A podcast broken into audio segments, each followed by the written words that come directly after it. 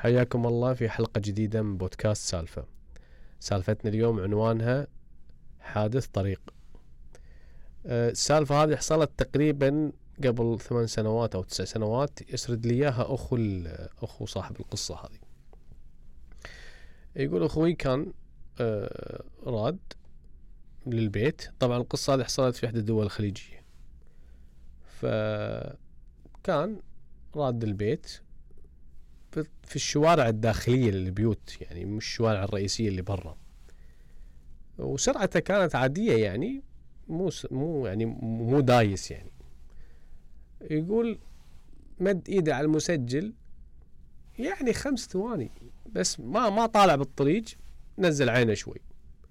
يقول ما درى إلا صوت شيء طق بالدعامية على الكبوت على الجام وطاح. يقول طقيت brake. يعني هو قاعد يسرد القصة يقول طقيت brake. متفاجئ مصدوم. شنو هذا؟ وبثواني معدودة يعني. يقول نزلت لقيت شخص طايح بالأرض. يعني واضح إنه خلاص. يعني متوفي. بسرعة يقول خذاه على طول على المستشفى بعدها بساعة ساعتين توفى. يقولون انه على كلامه انه وافد يعني.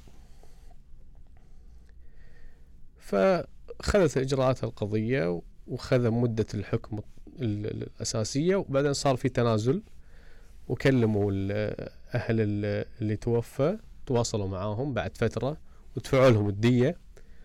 و يعني انتهى الموضوع الحادث وأموره بس طبعا انسجن وهو تأثر نفسيا يعني يحكي لي القصة إن أنا تأثرت نفسيا على الحادث نفسه والسجن طبعا لأنه هو اوريدي خذ مدة عقوبة يعني. اللي وصل له في مخه انه سبحان الله الغفلة بخمس ست ثواني سواء بتليفون بمسجل بأي شيء ممكن تقلب الحياة 180 درجة.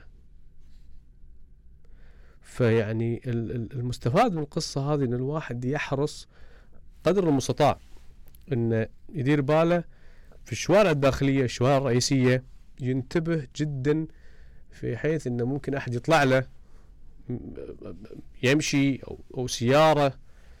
فالحرص في مثل هذه الأمور يعني جدا جدا مهم. كانت هذه حلقتنا لهالاسبوع ونلقاكم إن شاء الله في حلقة جديدة الأسبوع الجاي ومع السلامة.